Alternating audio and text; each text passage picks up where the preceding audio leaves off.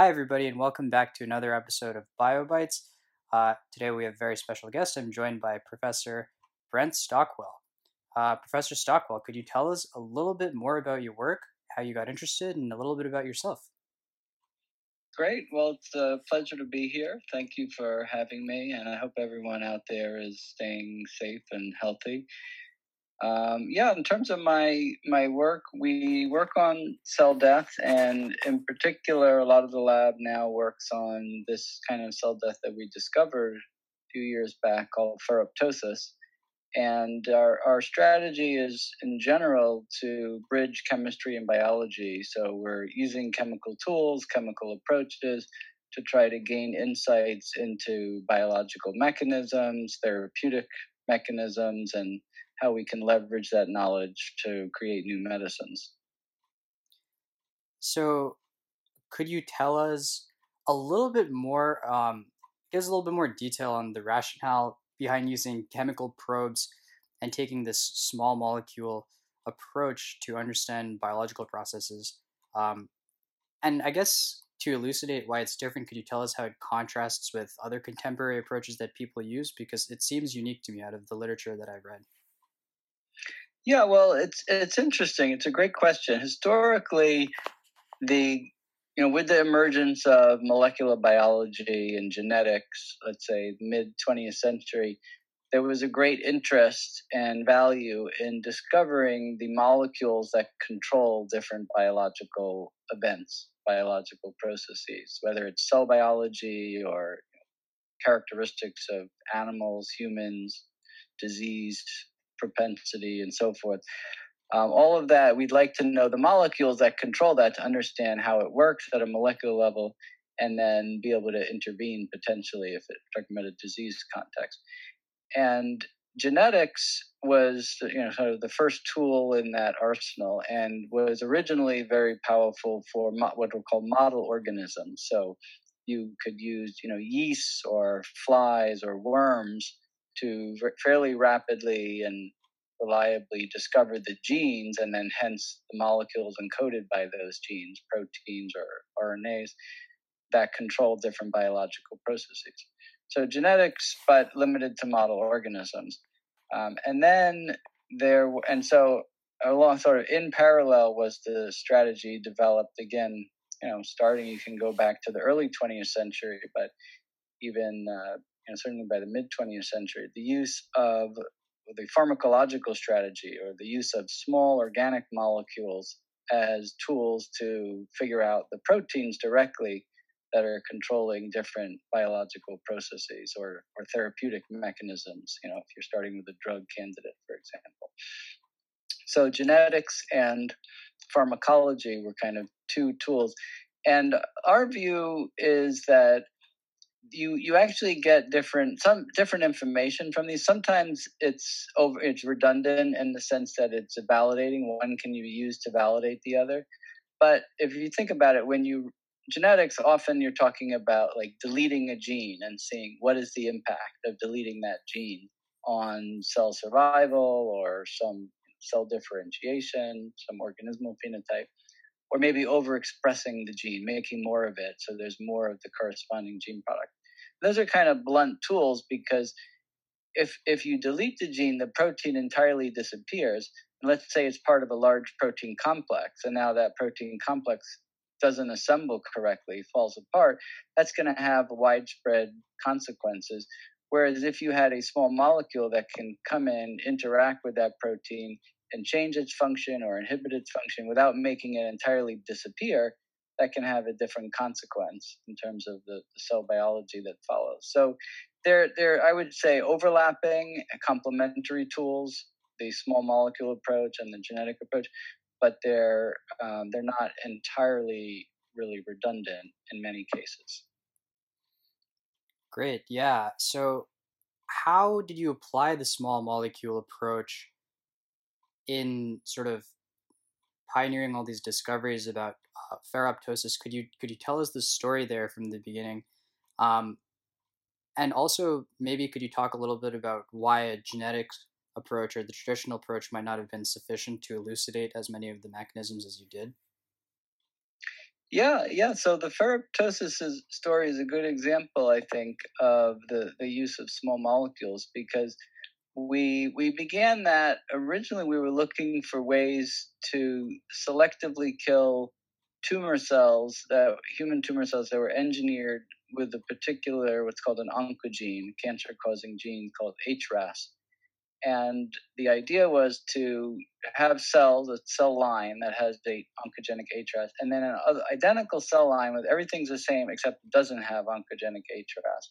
And see, could we find small organic molecules that would kill the HRAS mutant cancer cells, but not the identical cells lacking HRAS?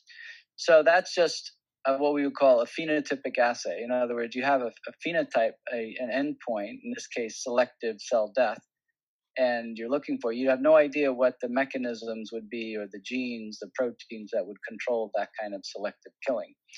So we screened, uh, in the end, over a million small molecules, just testing them one at a time.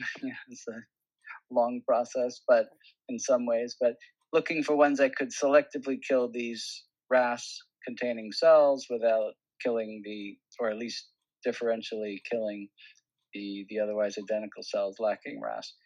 And out of that, we found uh, not too many, but a handful and of compounds that could do that, small molecules. And one of them was the novel molecule. Came out of a collection that we had acquired with no known function, really just put together synthetically for the purpose of probing these kind of biological processes without any insight originally into what what proteins these this kind of small molecule might interact with.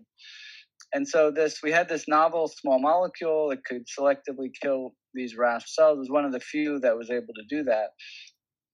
And uh, then when we looked into how it could achieve that, that's the next part of that kind of project. You find a compound that has the observed desired effect phenotypically, kills these cells selectively. But how does it do it? What's the mechanism? And that's usually a kind of long process of trying a lot of ideas and different kinds of experiments to get at what that molecular mechanism is. And so, in the end, what we discovered was that this molecule, we named it Erastin, by the way, eradicator of RAS transformed cells, the first compound that could induce this kind of cell death that later we termed ferroptosis.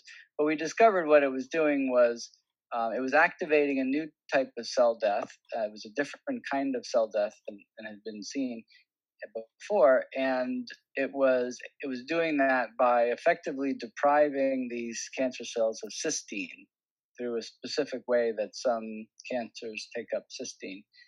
And uh, by depriving them of cysteine it was somehow activating uh, which we later figured out but at the time we didn't know was activating this uh, unusual form of cell death that depended on iron the cells having a lot of iron and so, because of the requirement of iron, we, we coined the term ferroptosis to refer to this, this unusual mechanism, type of cell death uh, that would, could be caused by this cysteine deprivation. So that's how we discovered ferroptosis, and just as a as a as a way that this new molecule erastin was able to selectively kill these RAS mutant cells. Now, your other question is interesting in terms of uh, could we have gotten what what would have happened with a, a genetic screen? And so subsequently, as we've worked out many of the mechanisms of ferroptosis, um, we have different ways now of activating ferroptosis, and we understand a lot about how it's regulated and have different genes and proteins and metabolism, how that links. And uh, it's it's very much as I said at the outset. Some of the mechanisms we would have could have discovered in a genetic screen. And in fact, if you go back and you look at earlier papers, there there's definitely papers that say, hey, these cells are dying through some weird mechanism, but they never connect the dots and say, hey, this might be a new type of cell death.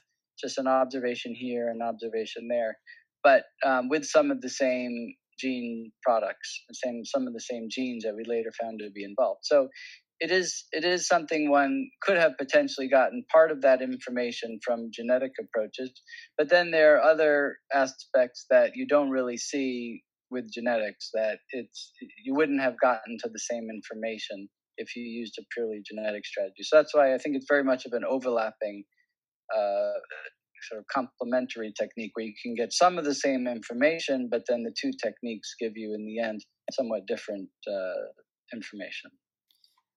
Yeah, right. So I had uh, a couple more questions that I wanted to sort of follow up with on that. So the, the first one was when you observed this type of cell death, what were some of the what were some I guess now what are some of the hallmarks of ferroptosis? Like how did when you first observed it, did you know that you were seeing something different?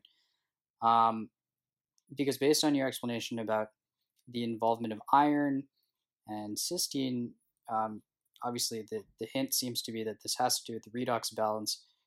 And um, as I understand, the uh, lipid peroxidation is, is another uh, key mechanism that needs to be balanced that affects the onset of ferroptosis. Uh, so, could you speak a little bit more in depth on the redox mechanisms at play here and how you were able to differentiate um, ferroptosis um, when you first observed it? Yeah, that's that's a great uh, point actually, because we spent a long time thinking about what are the ways we could test this idea that for this new kind of cell death might be different from other kinds of cell death that had been observed. So the sort of easier set of experiments is to rule out certain, you know, other kinds of cell death. For example, apoptosis is the, the first discovered form of regulated cell death. And uh, we know a lot about apoptosis and what are the genes that control it, what are the markers that, you know, what are the assays that detect cells undergoing apoptosis. So we, we did a lot of experiments to say, do we see evidence of apoptosis when we treat cells with Erastin, this compound I mentioned, and then later with the other compounds that could induce ferroptosis. And we never saw any evidence of apoptosis in any of these conditions. It was very clear that we're, you know, the cells are dying, but there's they're definitely not dying through apoptosis. You don't see any of any evidence of that. And then, you know, we can do control experiments where we induce apoptosis with other compounds, and that behaves as so we know our assays are working. It's just that these ferroptosis inducing compounds are not turning on apoptosis. So we can rule out, and then there are some other kinds of regulated cell death that have been described over the years in addition to apoptosis. So we looked at those, for example, necroptosis is a kind of regulated necrosis, and there are fewer markers. It's not as well characterized. I mean, more and more over the years, but uh, not as well characterized as apoptosis. But again, we can look for markers and genes involved in necroptosis and can convince ourselves and others that this doesn't look like necroptosis either. So we can rule out other kinds of cell death like that.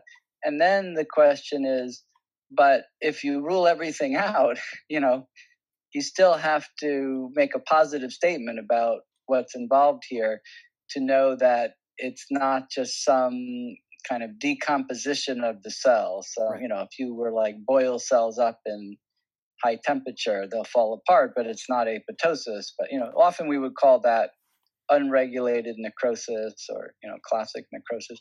So we wanted to convince ourselves that we, this was something different from just general cell decomposition and or unregulated cell decomposition. And that was a harder thing to do because there weren't good assays to do that. So the way we solved that problem in the end was basically being able to positively identify the events that are happening in ferroptosis and then test if those happened in sort of models of general necrosis, unregulated necrosis. And we, we didn't see that they did happen. So, what are those events? So we we referred to a couple of them, and you mentioned a couple. So the original definition of ferroptosis that we first observed, and then we kind of, as the field began to grow, we kind of coalesced in the field around this definition. It's cell death that can be inhibited by an iron chelator. So basically, if you deprive cells of iron, you can block the death, and also by a lipophilic antioxidant. Basically, a something that inhibits lipid peroxidation, which you, you referred to in your question. So, in many ways, we think of ferroptosis as death by lipid peroxidation. That's we don't we still don't actually know why that causes the death. Like, what is the lethal event, and why is lipid peroxidation lethal? But we know that's like the last step that we've identified in the cascade of events that leads to the cell death.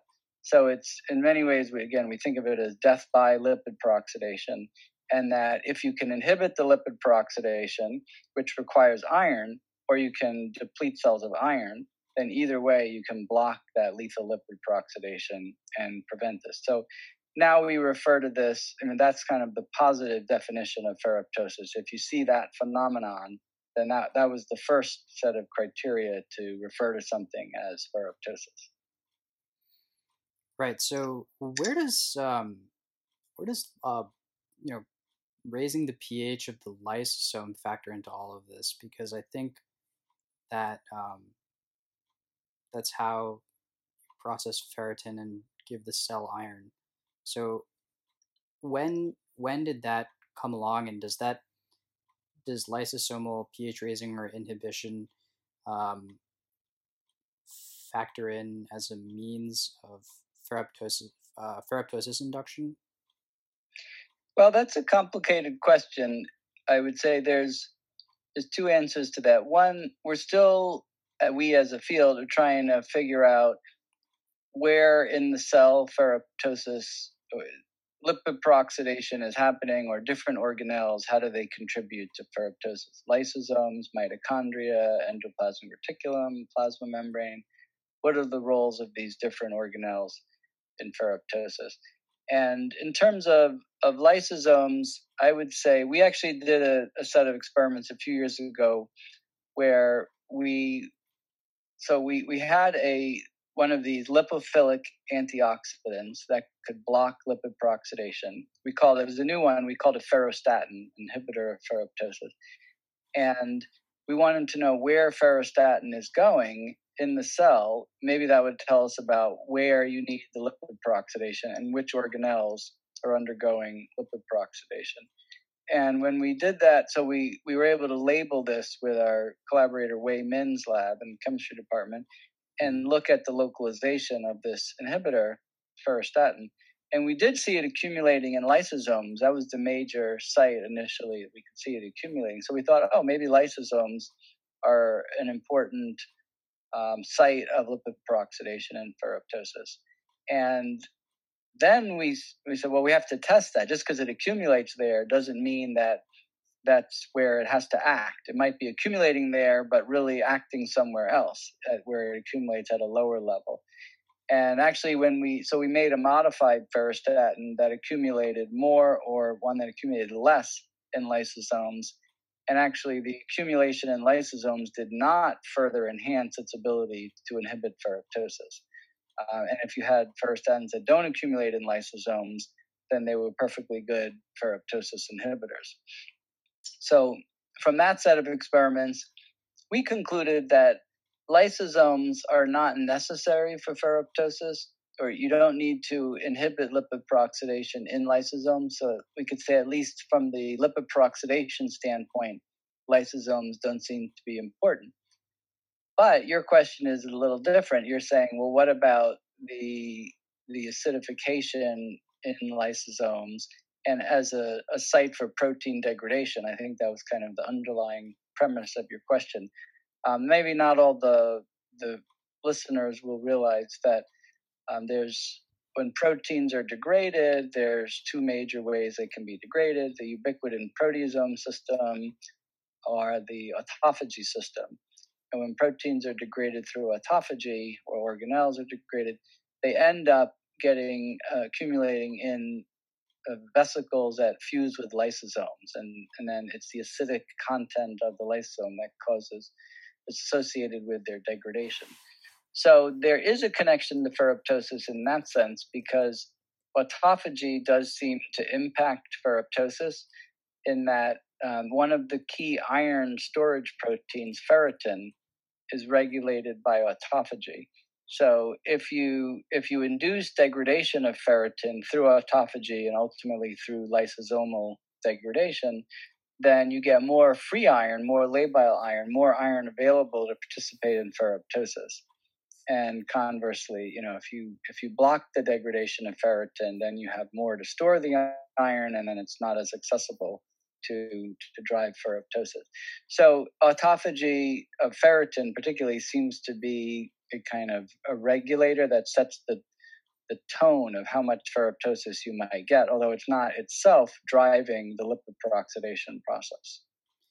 So, when you say how much ferroptosis you're getting, do, does that suggest that this is a this is a graded process? I, I my perception was that like cell death was sort of a binary event. Either your cell dies or it doesn't. Or is that more in reference to how cell autonomous this is? And i guess my question the subsequent follow-up would be how cell autonomous is ferroptosis? Um, is it something that can spread cell to cell pretty easily? Yeah that's one of the unusual features of ferroptosis is it it seems to be a there's it's not entirely cell autonomous in that for example, there's a, lab at Sloan Kettering, Mike Overholtzer's lab, that's been studying this observation they made that when you you treat cells in a dish to induce ferroptosis, you, and you watch by time lapse imaging of the cells, you see there's a wave of ferroptosis, a wave of death that sweeps across the dish. It starts in one corner and it sweeps across the dish. And we've seen the same thing uh, basically, if you treat cells with Erastin and you have them in a dish, then you and you watch with time lapse, one cell dies, and then usually the next cell that dies in the field is the one right next to it. in other words, it's not random which cell dies. Then the next one dies is usually the next one over. And then there is some randomness, but basically the cells begin dying in clumps. Like the first cell that dies seeds kind of like a bomb in that local region, which takes out a bunch of the neighboring cells. So there there does seem to be some kind of feed forward sort of neighbor effect where a cell that's undergoing ferroptosis must be releasing something that that drives further sensitization in neighboring cells. And just to clarify, it's whatever is being released is inducing ferroptosis mediated cell death in neighboring cells. It's not it's not apoptosis in neighboring cells. Right. Yes, that's a good question. Yeah, so you have to control for that. So you can block that killing of the. It's a complicated experiment to do because you want to induce ferroptosis in the first cell without inhibiting it, and then inhibit it in the neighbors. Right. So you want to check if only the neighbor cell killing. Uh, and so, but there have been a bunch of th- attempts to try to tease that out. Uh, but the conclusion from those kinds of experiments, I would say, is that it is ferroptosis in the neighboring cells, and that you don't see, definitely don't see that wave-like spreading if you induce apoptosis or necroptosis, other kinds of cell death. So far, only that's only been seen with ferroptosis. So, has there been any work done on what those uh, extracellular or what these released um, maybe proteins or compounds might be that's inducing this and does this suggest that um, that plasma membrane lipids are, are sort of a target for inducing ferroptosis? Yeah plasma membrane lipids they're definitely important in ferroptosis at least in a cell autonomous way because the the lipid peroxidation that happens has to happen on certain lipids. And those are they're, they're called phospholipids and they have to have phospholipids have different kinds of fatty acid tails. And uh, they need the substrates for the peroxidation and have to be polyunsaturated fatty acid tails. So they you know you may remember listeners may remember there's different kinds of uh, fatty acids, there's saturated fatty acids like palmitic acid and stearic acid. And then there's the monounsaturated, which have a single double bond like oleic acid, a lot of that in your olive oil, for example. Uh, and then there are the polyunsaturated fatty acids. A lot of people know of these as their omega 3s that try to get in their you know, fish consumption. Um, and the so it's actually fatty acids, the polyunsaturated fatty acids that have to be present in phospholipids, because those are the ones that chemically are susceptible to peroxidation and to can then drive that lipid peroxidation process. So those are definitely necessary key for the lipid peroxidation process. Whether they're in the plasma membrane or somewhere else, that's still that debate I was alluding to earlier, where they where they need to be, and whether those are signals that get released, that's still not clear. Um, we do have one piece of information about the signals, but it's it's it's kind of in the opposite direction. Um, we did a study with some collaborators recently where we found that um, if you a particular gene, when overexpressed, turned on, could drive resistance to ferroptosis. The gene was called GCH1, and that's the rate limiting. It produces the rate limiting enzyme for the synthesis of a natural cofactor metabolite in cells called tetrahydrobiopterin, we call BH4 for short. And uh, what we found in that study was that when cells make a lot of BH4, they actually secrete it to neighboring cells, and it make drives resistance to ferroptosis in the source cells and in the neighboring cells. So in that case, there's a non-cell autonomous process, but it's actually the resistance to ferroptosis rather than driving ferroptosis. So based on that and the other observation I told you, I suspect there are actually a bunch of factors that can be released by cells, and some drive more resistance, some drive more sensitization, and it's kind of the balance of those that determines what the impact of any one cell is on its neighboring cells. Right. And I guess when you have any method of cell death, really, the one of the applied questions becomes sort of how are you going to induce it or repress it? And in that spirit, I was just wondering if you've noticed any key points along the pathway that are particularly conducive to ferroptosis induction, and in the opposite direction, any key points along the pathway that are particularly conducive to repression. Yeah, those are the key questions that we grapple with. We're really thinking a lot about that now because we would love to be able to induce ferroptosis as a cancer therapy, for example, in certain tumors and inhibit ferroptosis in some degenerative diseases where we think it might be important. So, for the first question for inducing ferroptosis, there are right now two major ways that, that we've found for activating, turning on ferroptosis. So, one is that mechanism that I talked about with Erastin of depriving cells of cysteine. It turns out that the that the way Erastin deprives cells of cysteine is blocking a particular cell surface, what's called an antiporter. So it's a protein complex that imports actually not cysteine itself, but the oxidized dimer form of cysteine, which is called cystine, INE, instead of EINE. And cystine imported through this, what's called system XC, this antiporter, um, is actually not used by most normal tissues. So, for example, you can in mice knock out the gene that encodes one of the two necessary components of this antiporter system XC, and the mice are basically fine. So there, you know, there's a small, very small uh, memory deficit in one paper, but that may not be a, a generalized thing. So generally, basically, most normal tissues in mice, at least, don't seem to require this mechanism of getting their cysteine to get their cysteine. There are other ways cells can get cysteine, so that's not the, the normal way that most tissues are using.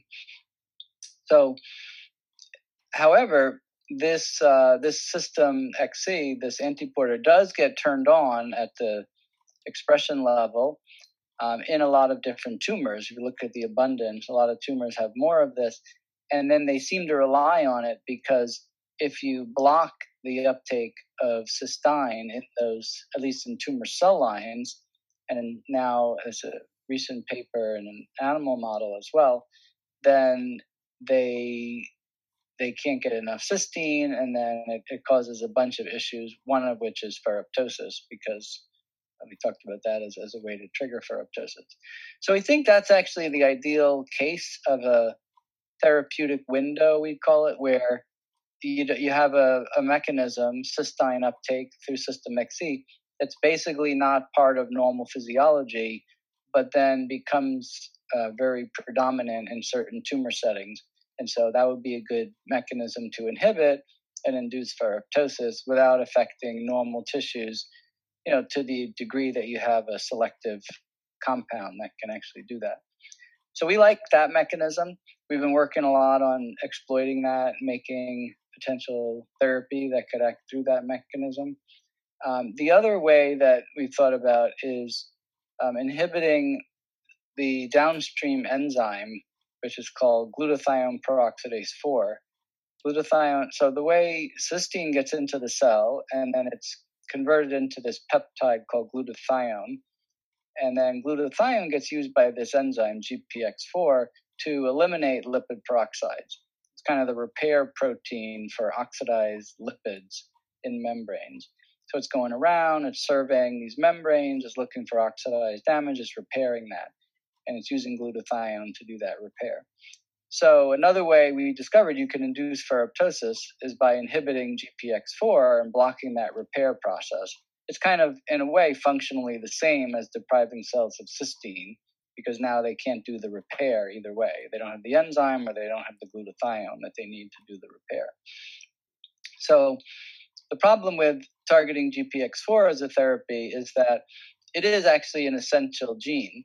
So in mice, now if you knock out GPX4, then it causes some pretty severe defects in different tissues and brain and kidney and skin. Um, and then the mice don't survive. They don't develop, and then if you knock it out in the adult, the mice die.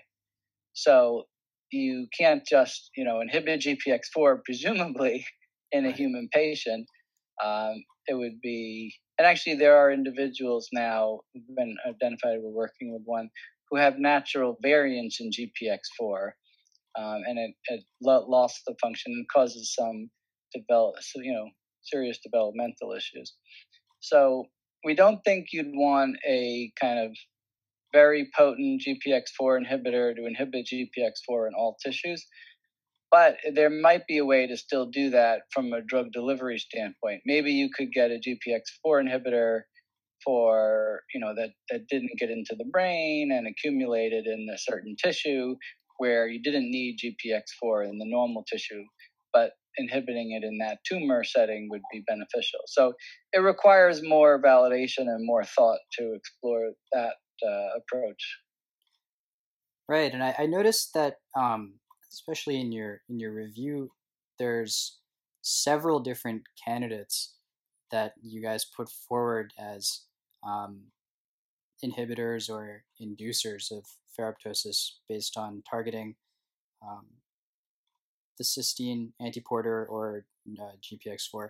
And I was just wondering if you could go into more about the properties of what would make the perfect um, the perfect I guess let's let's talk about inhibiting uh, the cysteine antiporter. What what properties are you looking for, especially um, to to combine, and what advantages do the different types of um, inhibitors that you guys have put forth bring to the table? Yeah, yeah, that's a great question. Generally, you want the target to have a differential either expression or function in tumor versus normal.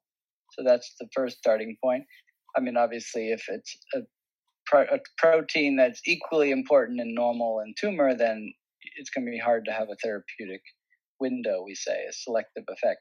So if you, and, and we think that is the case, as I said, with System XC. We have the selective expression and the selective functional importance. So that's a good starting point. Now, at that point, when you have that as a candidate target, there are really a few ways you could think about that. We'd call those the therapeutic modalities. You can go after a target. You could use a small molecule. That's what we're trying. So that's a low molecular weight organic compound that can bind to and inhibit, in this case, the function of that antiporter. So actually, literally, like gum it up and block cystine from getting in through that antiporter. So that's what Avastin does, and that's the kind of approach that we we're basically trying to develop a small molecule that can inhibit the antiporter. But there are other strategies. We haven't tried these, but I've heard um, I've heard of other efforts to try to do this with other modalities. So you could imagine an antibody where an antibody, you generate an antibody that binds to system XC, the extracellular domain, because antibodies generally won't penetrate into cells, but to the extracellular domain, and then block again, block its function, block cystine from getting in um, using an antibody. So that depends on whether you can generate a good antibody to to the protein, to to system XC, to the extracellular domain or not. So that's kind of an empirical question. And then you could imagine um, other things like gene therapy or siRNAs or kind of you know CRISPR, more exotic ways to target the mRNA or the gene encoding system XC those are all still very kind of uh, science fictiony, we could say, in the sense of you know much more challenging to do that experimentally. Um, you know, to make it into a therapeutic, let's say. But the small molecule approach and the antibody approach are probably the two major strategies. There is a company that has a related sort of third approach, which is to develop. They're developing an enzyme that can degrade cysteine. So basically, instead of inhibiting the uptake of cystine through system XC, the strategy is you have an enzyme that degrade, degrades cysteine in plasma, and so it's just not available for tissues to take it up. Um, it's it's functionally you'd think it would be similar. The issue is that then you're not specifically targeting system XC, now you're depleting cysteine everywhere, right? And then yeah, other ways of taking up cysteine would be blocked as well. So right. that could be potentially a, a, a, selectivity issue. You might have effects on normal tissue there that need cysteine. Right. Yeah, you were listing, um, I guess, a whole bunch of diseases like ischemic organ injuries, heart disease, kidney failure. Um, neurodegenerative diseases that are associated with ferroptosis, where you might actually want to um, inhibit ferroptosis.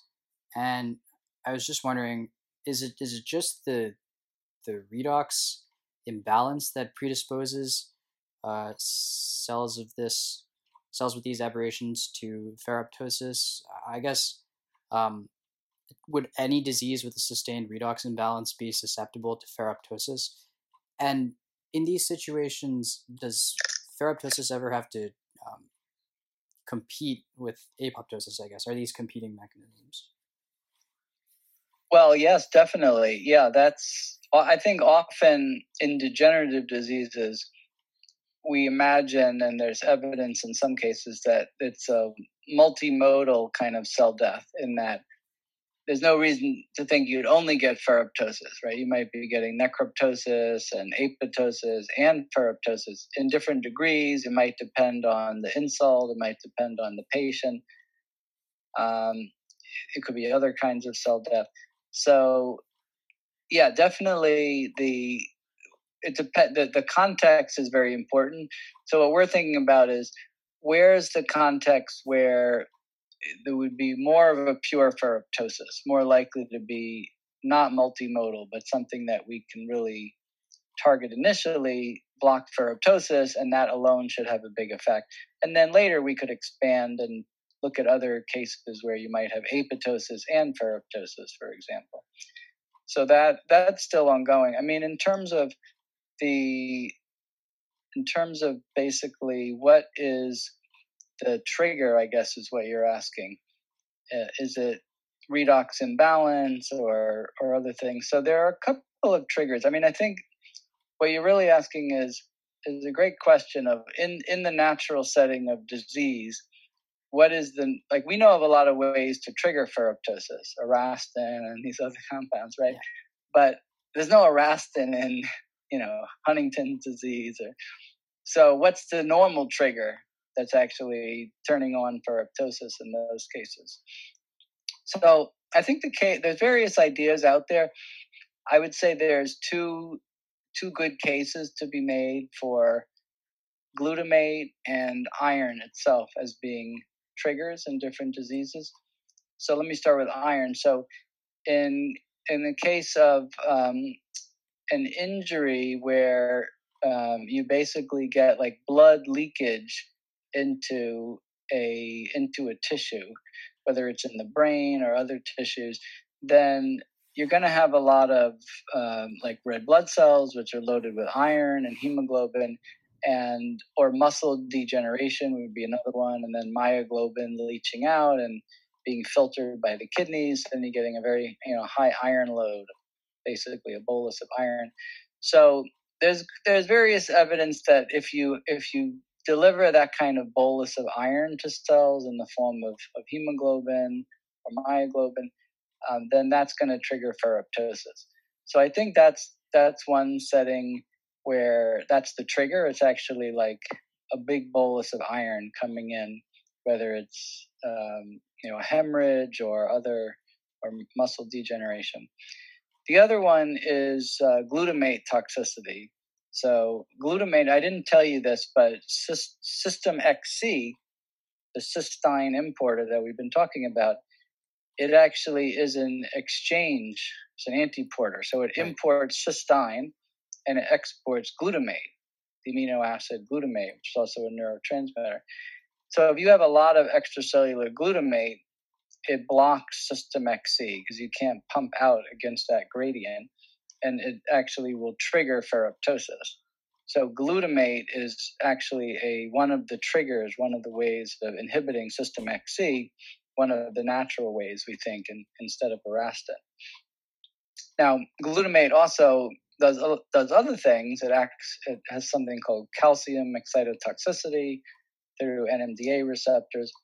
So, and there's a there's a long, you know, vast literature on glutamate being a toxic neurotransmitter when it accumulates, and some of that might is often thought to be due to excitotoxicity through calcium and NMDA receptors, but we think some of that is actually due to inhibiting system XC and driving ferroptosis.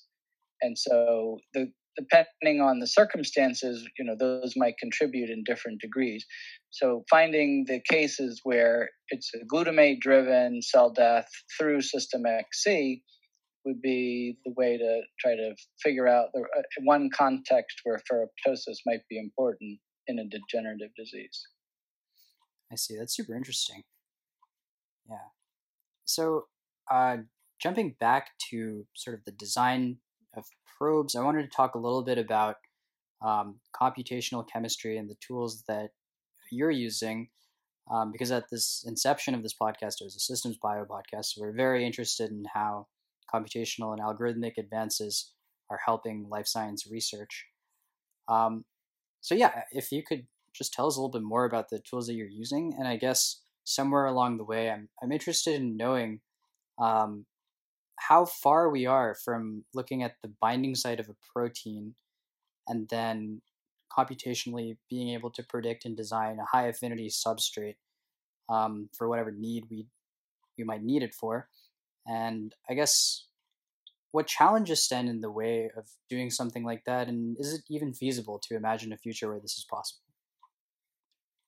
Well, that's a very hard problem, as it turns out but a great challenge, computational challenge.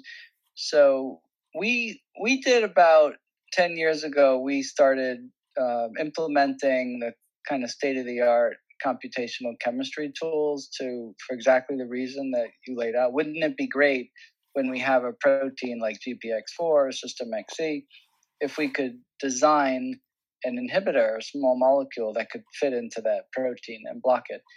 And that's a very hard problem. That's what you're referring to is ligand discovery, meaning you've got a protein, there's no known ligand, nothing known to bind there, and you're going to just discover something de novo.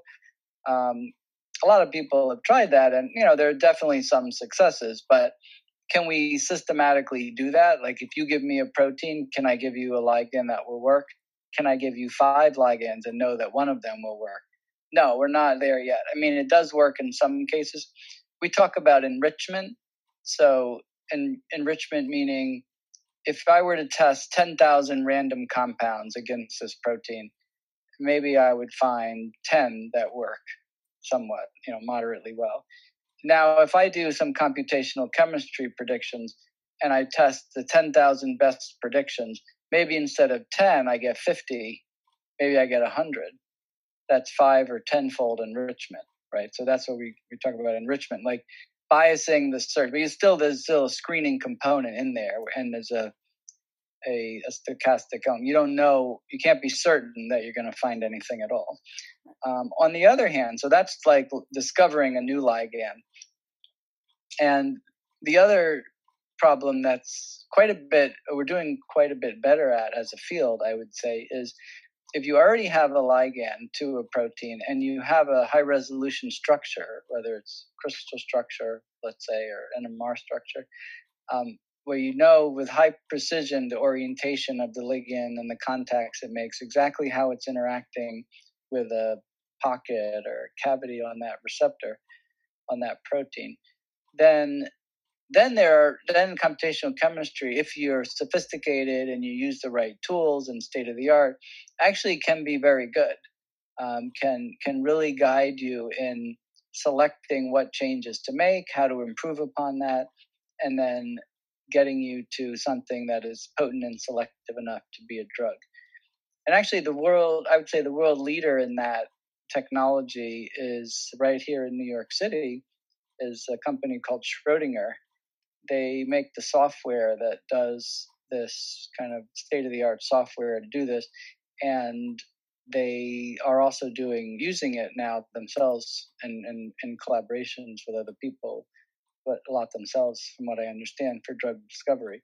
Um, and they bill gates invested in them and they're they're they're doing very well. And they're actually founded by a columbia professor rich friesner many years ago um, and we, we were able to get them to supply their software to all of Columbia, for, and the library is supporting that. So if any of, any of the listeners out there, Columbia students, who want to access the Schrodinger software, you can go to the library website, you can download it, um, and it's it's free for you to use, courtesy of the library. That's cool. That's a that's a neat plug. So definitely check it out if that's what you're interested in. So on the subject of uh, computation and its intersection with biology and biochemistry, um, see that you're associated with the newly founded Cancer Dynamics Institute here at Columbia. Um, and I was wondering if you could talk a little bit more about your affiliation with them, um, and sort of I, it's I see on your on their website that you've listed your interests in part as single cell genomics. I was just wondering if you could talk a little bit more about how that factors into your work. Yeah, I'm really excited about the the institute uh, the new institute. It's um, the idea is basically to bring more of a, a math, statistics heavy ex- set of expertise and focus to understand cancer heterogeneity and, and tumor evolution. If I could put it all kind of in a nutshell, that's how I would describe it. So, you know, I'm not a mathematician or a statistician, but I know they're very important fields. And so this is a way that I can begin to interact with some of those experts and, and try to leverage their expertise for some of the problems we're interested in. So I, I'd say our our work that's relevant to the IICD is around the heterogeneity of tumors, meaning if you look within a, a tumor, like you take a section out of a human tumor or a mouse model, then you see there's lots of different individual cell types. Of course, there are immune cells, there's the normal tissue, whatever, that's liver tissue, let's say hepatocytes. Then there's the tumor cells, and then there's different kinds of tumor cells. There are tumor cells that are, you know, different genetic features. They're affected differently by the local environment, it's called the microenvironment that they're in. Um, some of those are more drug sensitive, some of those are more drug resistant. Um, some of those contribute more to the spread of the tumor. Some of those contribute less, and you know, resistance to immune cells and all of that. So there's basically, I think, more and more the field of cancer biology is coming to appreciate that a tumor is really like a complex organ. There's a lot of cell cell interactions going on there, There's a lot of cell types, and it's something that's changing over time, and it may be different in each person to some degree. And so, if we want to really understand the natural history of that of tumor evolution and a particular type of cancer and how we might intervene therapeutically, then we need to really know what are all the cell types, how are they interacting, and, and how can we target them. And so that's the bigger, I mean, a lot of people are interested in that and, and the IICD. And our particular focus on that is understanding metabolism in these uh, in a tumor and, and the different cell types and how their metabolism differs and in particular, we've gotten uh, interested in using emerging technology called mass spectrometry imaging, where we can basically acquire an image now of a section of a tumor. And in that image, at every pixel, instead of like usually when you get an image of a tumor, you're thinking like light microscopy or maybe fluorescence microscopy, where every pixel is the indicates the amount of fluorescence, which indicates the abundance of a particular protein, for example. That's normal kind of microscopy. So with mass spectrometry imaging, what we can do is, is acquire an image of a tumor section, but every pixel now has a complete mass spectrum of thousands of metabolites and lipids that are present in that individual single pixel. That pixel might be the size of a cell or a few cells or even less than a cell, depending on how you do it, what technology you use, and how you run the instrument. But basically, in every cell, then in the end, you're getting a complete picture of all of the metabolites and lipids that are present. And then you're seeing how those differ across different cell types and eventually how that changes over time and how it changes in response to therapy. So it can give you a, a rich set of information about how uh, endogenous metabolism, meaning like lipids and metabolites, are changing across these different cell types and whether that's something we might be able to take advantage of therapeutically. We're, we're particularly interested in metabolism because ferroptosis is, is closely linked with metabolism. We've talked about cysteine, cysteine metabolism, and lipid, lipid metabolism, iron, iron metabolism. So all of these aspects of metabolism regulate the sensitivity to ferroptosis. So we think this is kind of a, a good way to understand how metabolism changes in, in the different uh, cell types within a tumor. That's right. Yeah, I've never heard of that um, that way of describing it of like the tumor as like a an organ system where you have multiple cells interacting with each other. I think that's pretty interesting. So uh, just to close things out on the subject of um, I guess disease, uh, very pertinent right now. Are you collaborating or is your lab uh, individually working on anything coronavirus related? Um, and how we can are. we how can we apply the the small molecule perturbation approach uh, to understanding more about therapeutic opportunities or treatments for coronavirus. Um, we had uh, Vincent Racaniello on the podcast a few episodes ago, and we spent a while talking about um, proteolysis and proteolytic processing, maybe potentially inhibiting that. I was just wondering if that, in addition to what other uh, other mechanisms came up in, in your sort of brainstorming and attack of the situation right now. Yeah, that's exactly one approach. So we, we have a few projects now starting to look at uh, COVID 19, you know, biology and SARS CoV 2, the coronavirus, new novel coronavirus infection. Um, and so one is exactly as you were talking about with uh, Professor Racaniello, it sounds like the, the the virus. So the many viruses, including the SARS-CoV-2 virus, uh, when they infect cells, they generate a large polyprotein. So the RNA genome is translated into a large protein or two large proteins, and those have to get cleaved by a viral protease in order to make the functional viral proteins that then assemble to generate more virus that gets released by the cell. So we are working with David Ho and Alex Chavez, and uh, now sort of a growing project. John Hunt is working with us, Tom Rovas, and um, a number of people in different labs. And basically, the idea is that HIV inhibitors have been breakthrough medicines for treating HIV. And, and if you look at the number of deaths due to HIV, the real drop began with the introduction of HIV protease inhibitors. That was like that that was the game changing event. And also hepatitis C virus is another case. Hepatitis C virus protease inhibitors have been very effective. So these can be really transformative and an effective antiviral treatment, making an inhibitor of that protease activity that's needed for the virus to complete its life cycle. So the idea is very much as we were talking about before, can we make a small molecule that interacts with the viral protease in its active site, blocks that active site, and inhibits the enzyme from functioning and then interrupts the, the viral life cycle.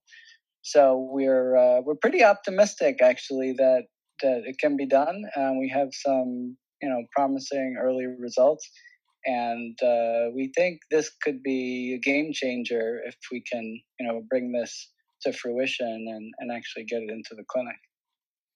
So I have to ask. I know that there's about a seventy-five to seventy-six percent um, amino acid homology between SARS-CoV-2 and classic SARS, and I was just wondering if your approach or the way you designed these was informed based on information we mined or knew from the original SARS, um, and whether uh, the molecules that you are developing are actually uh, specific to this SARS-CoV-2 and not classic SARS. Have you have you done any cross testing? Yes, no, no, it's a great point. That there was a lot of work done on SARS one and the SARS one protease, the analogous one, um, and that laid the foundation for what what we and others who are working on the the new SARS CoV two protease are working on. So there are already some compounds out there, and a lot of information about the structure and the kind of amino acids that are important. So we're able to leverage all that information and move much more quickly than if we were starting from scratch because the two proteases, SARS-1 and the new one, are are very similar. Actually, the active sites are virtually identical, and across the uh, 12 coronaviruses that uh, structures have been reported, they're almost you know identical. They're the protease. They're very very similar. So if you had a protease inhibitor against SARS-CoV-2, it will very likely work against all the other coronaviruses. And then the idea is maybe the next coronavirus, which you know comes along, hopefully this inhibitor would at least probably be somewhat effective, if not very effective, or at least would be a great starting point for treating the next coronavirus. Right. So with that, um, I'm all out of questions. Thanks so much for your time, Professor Stockwell, and um, wish you the best of luck with these endeavors, uh, coronavirus related and otherwise, for all our sakes. So thanks so much for taking the time to be with us today. Oh, it was great to be here, and uh, it was a great discussion. Uh, I'm happy to have been a part of it.